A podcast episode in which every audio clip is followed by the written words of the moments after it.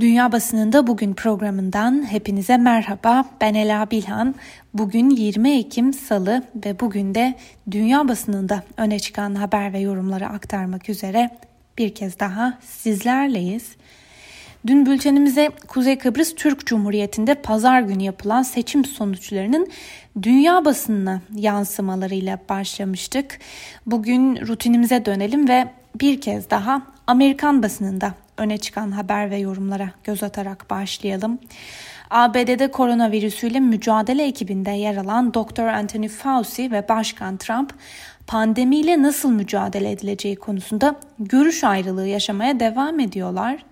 Geçtiğimiz günlerde Dr. Fauci sözlerinin çarpıtılarak Trump kampanyası kapsamında kullanılmasını açıkça eleştirmiş ve katıldığı bir programda da Trump'a koronavirüsünün bulaşmasına şaşırmadığını söylemişti. Buna karşılık Donald Trump da dün kampanya çalışanlarıyla düzenlenen bir telekonferansta Dr. Anthony Fauci için felaket tanımlaması yaptı. Aynı tartışmayı gündemine taşıyan New York Times'a göre vaka sayıları artarken Trump'ın değişmeyen bu tarz söylem ve tavırları artan vaka sayılarına rağmen virüsü yine umursamadığını gösteriyor ve yine gazetede aktarılan bir habere göre de Trump ekibinin en iyi bilim danışmanlarından biri olarak sunulan Dr. Scott Ellis'ın attığı bir tweet birçok uzman tarafından çürütüldü ve ardından Twitter tarafından silindi. Washington Post ise Trump'ın Fauci'ye saldırmasının anlamsız olduğu değerlendirmesinde bulunurken başkanın vaka sayılarının yükselişini önlemek için hiçbir önlem almamaya devam ettiğini belirtmiş. Ancak şimdiye kadar e, ülke genelinde 219 binden fazla kişinin ölümüne neden olan korona pandemisi 3 Kasım'da yapılacak seçimlerde öne çıkan unsurların başında yer alıyor. Voice of America'nın e, bu konuda aktardığı bir habere göz atalım. Birçok seçmen için koronavirüsü salgını seçimlerin gündemini değiştirdi. Cumhuriyetçi Başkan Donald Trump'ın seçim kampanyası bu yıla düşük oranda işsizlik ve güçlü bir ekonomiyle giriş yapmıştı. Virginia Üniversitesi Politika Merkezi'nden Kylie Kondick'e göre başkan seçim kampanyasına pozitif ekonomik verilere, refaha ve işsizlik oranına odaklanmayı planlıyordu. Ancak koronavirüsü bunu tamamen değiştirdi. İşsizlik büyük buhran sırasındaki seviyesine yükseldi. Ekonomi hızla küçüldü. Vaka ve ölüm sayılarındaki önlenemez artış nedeniyle Trump'ın koronavirüsü salgınına müdahale biçimi eleştirilere hedef oldu. Yalnız yine de Pew Araştırma Merkezi'nin Ağustos ortasında yaptığı bir ankete göre her 10 kayıtlı seçmenden 8'i ekonominin 2020 seçimlerinde kime oy verecekleri konusunda çok önemli olacağını söylüyorlar. 12 gündem maddesinin sıralandığı ankette birinci önceliği ekonomi alıyor. Ankete göre seçmenlerin %68'i ise sağlık sigortasının oylarının kime gideceği kararında etkisinin büyük olacağını söylüyorlar. Koronavirüsünün kararlarında çok etkili olacağını söyleyenlerin oranı ise %62. Seçimlere değinmişken şu haberi de aktaralım. ABD'de koronavirüsü nedeniyle seçim gününde sandıklarda beklemek istemeyen çok sayıda seçmen erken oy kullanıyor. Florida Üniversitesi ABD seçim projesine göre ülke genelinde birçok eyalette oyunu erken kullananların sayısı şimdiye kadar 30 milyonu da aşmış durumda. Bütün bu haberlerin dışında gözler kulaklar 3 Kasım seçimlerinden önce son kez yapılacak olan adayların canlı yayın tartışmasına çevrilmiş durumda. Tartışma programı Perşembe günü yani 22 Ekim'de yapılacak. Ancak bir önceki tartışmada olduğu gibi başkan adayları birbirinin sözünü kesemesin diye konuşmayan tarafın mikrofonunun kapatılmasına karar verildi. Tartışma komisyonunun aldığı bu karara Trump'ın kampanya ekibinin sert bir şekilde karşı çıktığını belirten Washington Post gazetesi önceki tartışma programında Trump'ın Biden'ın lafını sık sık kestiğini hatırlatıyor. Dün bültenimizde de değinmiştik. Belki tekrar etmekte fayda var. Amerikan basınında son zamanlarda sık sık karşımıza bir karşılaştırma çıkıyor ve seçimlere az bir süre kalmışken 2016 yılındaki seçimlerde Trump'a karşı kaybeden Hillary Clinton sık sık Biden ile kıyaslanıyor. Washington Post'un bu konuda aktardığı bir değerlendirmeye göre Biden'ın seçim süreci rahatsız edici bir dejavu duygusu uyandırıyor. Demokrat seçmenler, parti yetkilileri ve kampanya yardımcıları iyimserlikle korku arasında sıkışıp kaldılar.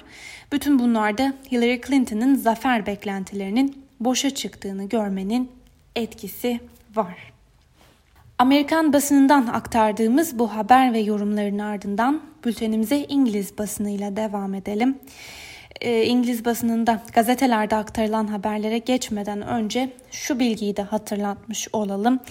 İngiltere'de geçtiğimiz haftadan bu yana salgının hızına ve vaka sayılarına göre sınıflandırdığı yeni bir önlem paketi uygulanıyor. Ülkede bu kez ayrıca devre kesici olarak nitelendirilen günlük hayatın geçici bir süre olmak üzere ki bu da en az iki hafta olması planlanıyor. Askıya alınması fikri tartışılıyor. Başbakan Boris Johnson üzerinde de bu yönde baskılar artarken bir kesimde ekonominin öncelenmesi gerektiğini savunarak alınan önlemlere karşı çıkıyorlar. Ve geçtiğimiz hafta BBC'den aktardığımız bir haberde Galler yönetiminin de bu devre kesici denilen önlemleri ciddi bir şekilde değerlendirdiğini aktarmıştık ve Guardian gazetesinin aktardığına göre beklenen oldu. Galler'de cuma gününden itibaren kısa bir devre kesici işlevi görmesi planlanan kapanma kararı Guardian'ın manşetine taşınmış. Gazete vaka sayılarını düşürmek amacıyla ülkenin tek bir bölümünde alınan yerel önlemlerin ve geç, geçici kısıtlamaların işe yaramayacağını savunuyor. Büyük Manchester bölgesi de vaka sayılarının hızla arttığı bölgelerden biri. Ancak bakanlar ve yerel liderler maliyetli olan geniş çaplı önlemlere alternatifler sunuyorlar. Daily Telegraph'ın da manşetine taşıdığı bu alternatif önlemler kapsamında yaşlıların ve özellikle de hastalıklara bağışıklığı olmayan veya sağlık sorunu yaşayan insanların korunması öngörülüyor. Öbür taraftan yerel liderler ve hükümet arasında koronavirüs kısıtlamaları konusunda anlaşmazlıklar da sürüyor. Financial Times bugün bir kez daha Avrupa ülkelerinin karşı karşıya olduğu ekonomik zorluğu manşetine taşımış. Gazete dün de Avrupa'nın çift dipli bir resesyon ile karşı karşıya olduğunu yazmıştı ve bugün aktarılan habere göre de Avrupa ülkeleri salgını kontrol altına alabilmek için aldığı önlemlerin sonucunda trilyon euroluk maliyetlerle karşılaşıyorlar. Independent gazetesinden David Cockburn ise bugünkü yazısında İngiliz hükümetinin izlediği stratejiyi ele almış. Birleşik Krallığın bu kadar göz alıcı zikzaklar çizen ve hatalar yapan Boris Johnson ve ekibiyle koronavirüsün yayılmasını kontrol altına alma şansı zaten yoktu. Hükümet başarısız olurken sormamız gereken soru şu. Yetersizlik ne zaman suça dönüşür? Yine Independent gazetesinden Hall Brands ise bugünkü yazısını Dağlık Karabağ'da süren çatışmalara ayırmış. Azerbaycan ve Ermenistan arasındaki çatışma gittikçe bozulan küresel ortamdaki fay hatlarını ortaya çıkarıyor. Azerbaycan sadece Türkiye'nin bir kuklası değil ancak çatışmada Ankara'nın açık desteğini aldı. Doğrusu Türkiye'nin uzun süreli düşmanına karşı çatışmaların yeniden başlaması bu savaşın Türkiye'nin kendi jeopolitik bölgesini etkilemek için sürdürdüğü daha büyük bir iktidar oyununun parçası olduğuna işaret ediyor. Bu çaba son yıllarda Suriye ve Libya'daki müdahaleleri de içeriyor. Türkiye Cumhurbaşkanı Recep Tayyip Erdoğan bu çabada kesinlikle Washington'ın isteğiyle hareket etmiyor. Bu çatışmayı ciddiye almamızı gerektiren ikinci bir nedense küçük savaşların tarihsel olarak büyük savaşların provası olarak hizmet etmesidir. Çünkü yeni çıkan konseptler ve kabiliyetler için önemli bir test alanı sunarlar. İspanya İç Savaşı faşist güçlerin sivillere yönelik terör bombardımanı denemelerine olanak sağlamıştı. Almanya'ya zırhlı savaş hakkında önemli dersler verdi. Aynı şekilde Kafkasya'daki savaş bir sonraki büyük güç çatışmasının nasıl sonuçlanacağına dair ipuçları veren son dönemdeki bir dizi savaştan yalnızca bir tanesi. BBC'nin Dağlık Karabağ'daki çatışmaların ışığında Rus basınından aktardığı bir habere de göz atalım. Rus basınına göre Türkiye Moskova'nın siyasi nüfuz alanında görülmemiş bir atılımda bulunuyor. Rus basınında Türkiye'nin eski Sovyet Sosyalist Cumhuriyetler Birliği topraklarında Rusya'nın etkisine karşı meydan okuma girişimlerine dikkat çekiliyor. Örneğin Moskovski Komsomolet gazetesi şu ifadelere yer vermiş. Gerçek dostlar var, sahte dostlar var. Bir de Türkiye Cumhurbaşkanı'nın örneğinde görüldüğü türden dostlar var. Erdoğan Ankara'nın Kırım'ı Rusya'nın parçası olarak tanımayı reddettiğini ilan etti. Bu yeni bir şey değil. Yeni olan Erdoğan'ın Kırım ile ilgili ifadelerinin Moskova'nın daima sadece kendi alanı olarak gördüğü siyasi alana Türkiye'nin görülmemiş bir atılımda bulunduğu anda geliyor olması. Bu da Ankara'nın saldırgan açıklamalarını daha da kaygı verici kılıyor. Erdoğan Kırım'ı Rus olarak görmüyor ama aynı zamanda Ukrayna'ya ait olarak da görmüyor. Erdoğan'a göre Rusya 1783'te Kırım'ı haksız bir şekilde Osmanlı İmparatorluğundan aldı ve bu toprakların imparatorluğun devamı olan modern Türkiye'ye geri verilmesi gerekiyor. İzvestia gazetesi ise Türkiye'den bir siyaset uzmanının şu görüşlerine yer vermiş. Karabağ çatışmasının sonucu Türkiye'nin jeopolitik etkisini sağlamlaştırıp sağlamlaştırmayacağını ve Rusya'nın bölgedeki rakibi haline gelip gelmeyeceğini belirleyecek. Karabağ'da süren çatışmaları gündemine taşıyan Alman Deutsche Welle'ye göre de Rus-Türk ilişkileri bölgesel rekabet, askeri ihtilaflar ve çakışan stratejik menfaatlerle sınanıyor. Deutsche Welle'nin sorularını yanıtlayan uzmanlar bölgesel ihtilaflara rağmen hem Türkiye'nin hem de Rusya'nın kendi çıkarlarını gözeten ekonomi odaklı bir ortaklık ilişkisi inşa ettikleri görüşünü savunuyorlar. Alman basınına değinmişken yine Alman basınında öne çıkan önemli bir gündem maddesine göz atalım. Alman basınının en önemli gündemlerinden biri ülkede rekor seviyeye ulaşan vaka sayıları ve hastanelerin zorlanan kapasiteleri. Köşe yazarları salgına karşı alınacak önlemleri tartışırken bir yandan da hükümetin stratejisini ve ikinci bir karantina sürecinin gerekli olup olmadığını tartışıyorlar. Bugün Die Welt'te aktarılan bir yorumda şu ifadeler kullanılmış.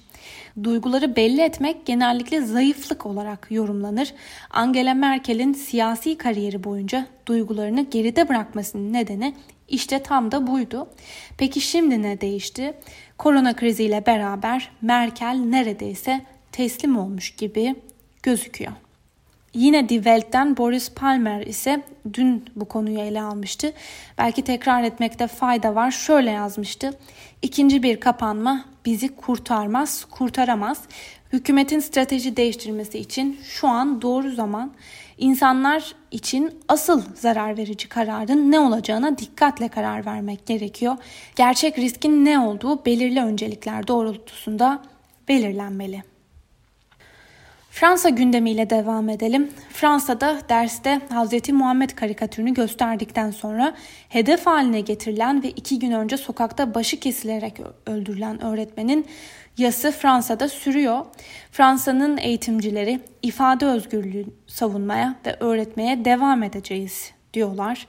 Fransız Le Monde'un yorum köşesinde bu konuya ilişkin şu ifadeler yer alıyor. Okul hayatında yaşanan çatışmalar çarpıtılmış araçlarla güçlendirilmiş haldeyken yaşanan gerilim ve sorunların yalnızca kurumların duvarları arasında çözülebileceğine inanmayı bırakmamız gerekiyor.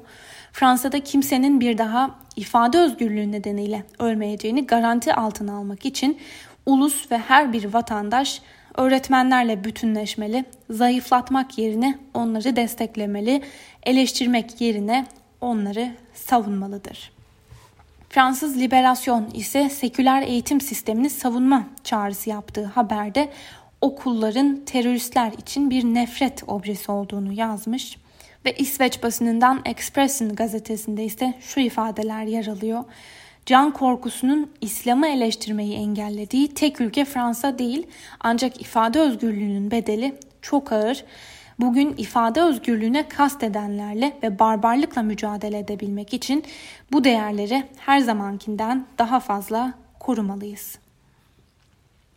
Yunan basınında geniş yer bulan ve Ekatimerini gazetesinin de gündemine taşıdığı bir habere göz atalım. Yunanistan hükümeti göçmenlerin kitlesel bir şekilde sınırı geçmeye çalışabilecekleri endişesiyle Türkiye ile Kuzeydoğu sınırındaki duvarı genişletme planlarını tamamladıklarını açıkladı. Yunan hükümetinin sözcüsü Stelios Petsas dün yaptığı açıklamada 10 kilometre uzunluğundaki duvara 26 kilometrelik bir kısmın daha ekleneceğini belirtti. 24 milyon dolarlık projenin Nisan ayı sonunda tamamlanması bekleniyor. Reuters dün önemli bir iddia ortaya atmıştı. Reuters'ın bölgedeki kaynaklara dayandırdığı haberine göre Türkiye geçen yıl Suriye ordusunun kuşatması altında kalan İdlib bölgesindeki Morek kasabasında bulunan 9. gözlem noktasında konuşlu askerlerini geri çekmeye başladı. Haberde Türkiye'nin başka noktalarda birliklerini güçlendirmeyi planladığına da yer veriliyor. Moscow Times'ın gündeminde Rusya genelinde artan Covid-19 vakaları var. Diğer birçok ülkede olduğu gibi Rusya'da günlük vaka sayılarında yeni bir rekor kırdı. Buna göre ülkede son 24 saatte 16 bine yakın vaka tespit edildi. Ülkenin Covid görev gücü ise tespit edilen vakaların dörtte birinden fazlasının asemptomatik olduğunu söylüyor. Bu arada hükümet ve yerel liderler de alınacak önlemleri ve karantina seçeneklerini değerlendirirken Moskova Belediye Başkanı Sergey Sobyan'ın ikinci bir karantinanın ve iş yerlerinin kapatılmasının kesinlikle kabul edilemez ve imkansız olduğunu söyleyerek bu seçenekleri reddettiğini açıkladı. Ve son olarak Çin basınından Global Times'ta öne çıkan bir haberi sizlere aktaralım. Global Times dünya basınında da aslında geniş yer bulduğunu söyleyebileceğimiz bir haberi gündemine taşımış. Çin ekonomisine ilişkin aktarılan bu habere göre ülkede ihracat artarken yerel yönetimler borçla beslenen inşaat projelerine girişmiş durumda. Hatta tüketici harcamaları bile toparlanmaya başladı. Dünyanın ikinci büyük ekonomisi 3. çeyrekte yani Temmuz, Ağustos ve Eylül aylarında geçen yılın aynı dönemine göre %4.9 oranında büyüdü. Bu son gelişmeler koronavirüs ciddi bir şekilde kontrol altına alındığında ekonomik hayatta hızlı bir toparlanmanın mümkün olabileceğini gösterdi. Çin baskı altında boyun eğmeyen ve verdiği sözleri yerine getirebilen bir ülke. Ekonomik olarak büyük bir güç olan Çin'in ekonomik büyümesi küresel ekonomiye de fayda sağlayacaktır. Bu gelişmenin uluslararası toplumun Çin algısı üzerinde kesinlikle olumlu bir etkisi olacağına inanıyoruz. Çin'in Covid-19 savaşındaki rolünü lekeleyen yalanlar da dahil olmak üzere tüm yalanlar gerçekler karşısında savunmasızdır. Global Times'a göre. Sevgili Özgürüz Radyo dinleyicileri, Global Times'tan aktardığımız bu yorumla birlikte bugünkü programımızın da sonuna geldik. Yarın aynı saatte tekrar görüşmek dileğiyle Özgürüz Radyo'dan ayrılmayın, hoşçakalın.